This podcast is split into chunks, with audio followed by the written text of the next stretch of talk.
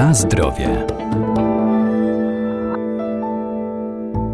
Jest wiele modeli żywieniowych, mniej lub bardziej zdrowych, a moda na bycie fit sprawiła, że przechodzenie na różne diety staje się popularne. Dieta lekkostrawna to odpowiedni sposób żywienia dla tych, którzy mają problemy trawienne, zaś oczyszczająca oparta jest głównie na suplementach i koktajlach owocowo-warzywnych.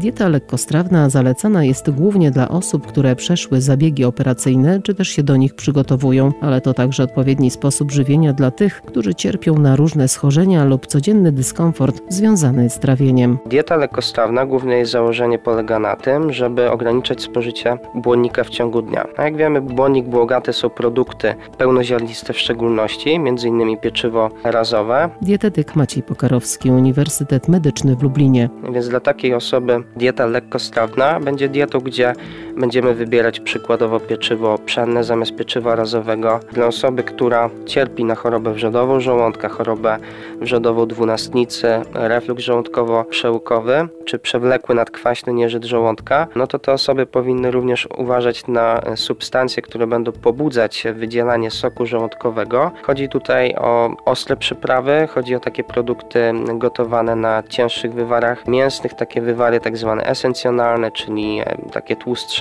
rosoły, produkty takie kwaskowate też można powiedzieć, prawda, czyli e, będzie to na przykład ogórek kwaszony, kwaszona kapusta również, będą to produkty, które mogą podrażniać śluzówkę żołądka, mogą później warunkować to, że dana osoba ma nadkwasotę, zgagę, więc ta dieta powinna być no, tak dobrana, żeby było e, bardzo dużo takich produktów łatwo przyswajalnych dla organizmu. Jeśli chodzi o warzywa, żeby było one łatwiej przyswajalne dla organizmu, to nie powinniśmy spożywać e, warzyw e, surowo, ale po prostu je wstępnie e, obgotowywać, prawda? To samo się tyczy również owoców i również należy uważać na smażone produkty. Rekomendowana obróbka jest oczywiście gotowanie czy też pieczenie.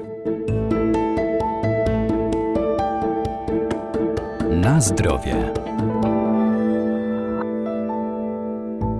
Niewłaściwe pH może doprowadzić do wielu dolegliwości czy chorób, dlatego tak ważna jest dla naszego zdrowia równowaga kwasowo-zasadowa. Temat diet oczyszczających organizm z toksyn, które stały się bardzo popularne, wciąż budzi wiele kontrowersji. Jeśli chcielibyśmy się do tego w jakiś sposób e, naukowy odnieść, wszelkiego rodzaju zatrucia, które występują w naszym organizmie, zawsze będą wiązać się z konkretną substancją, która będzie nas zatruwać. Przykładowo może to być rtęć czy ołów z takich poważniejszych zatruć i prawda jest też taka, że każda substancja wymaga innej odtrutki, więc e, szukanie jakby jednego sposobu na to, żeby oczyścić organizm z toksyn, no nie ma żadnego uzasadnienia tak naprawdę naukowego i ciężko szukać jednego panaceum na wszystko. Oczywiście zachęcanie do tego, żeby stosować e, duże ilości warzyw czy owoców e, w jadłospisie jest, no to akurat jak najbardziej na plus, ponieważ zawierają dużo substancji odżywczych, natomiast przypisywanie różnego rodzaju koktajlom owocowym owocowo-warzywnym e, właściwości detoksykujących dla organizmu, oczyszczających.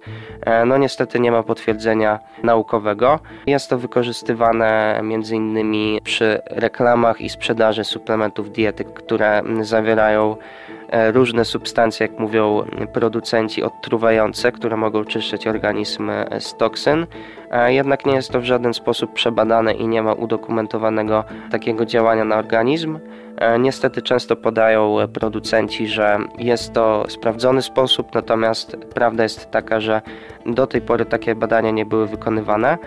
Prawda jest też taka, że pod kątem tych soków owocowo-warzywnych i w jakiś sposób no, działania oczyszczającego, badania, które prowadzono do tej pory, no to w szczególności były badania e, na gryzoniach i między innymi pod kątem zatrucia glinem. Natomiast u człowieka e, no, rzadko spotyka się zatrucia glinem, więc e, mówienie o tym, że koktajle mają takie działania mija się z prawdą.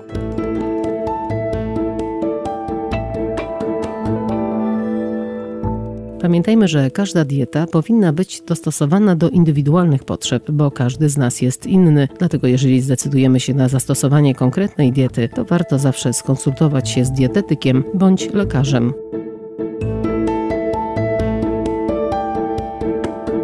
Na zdrowie.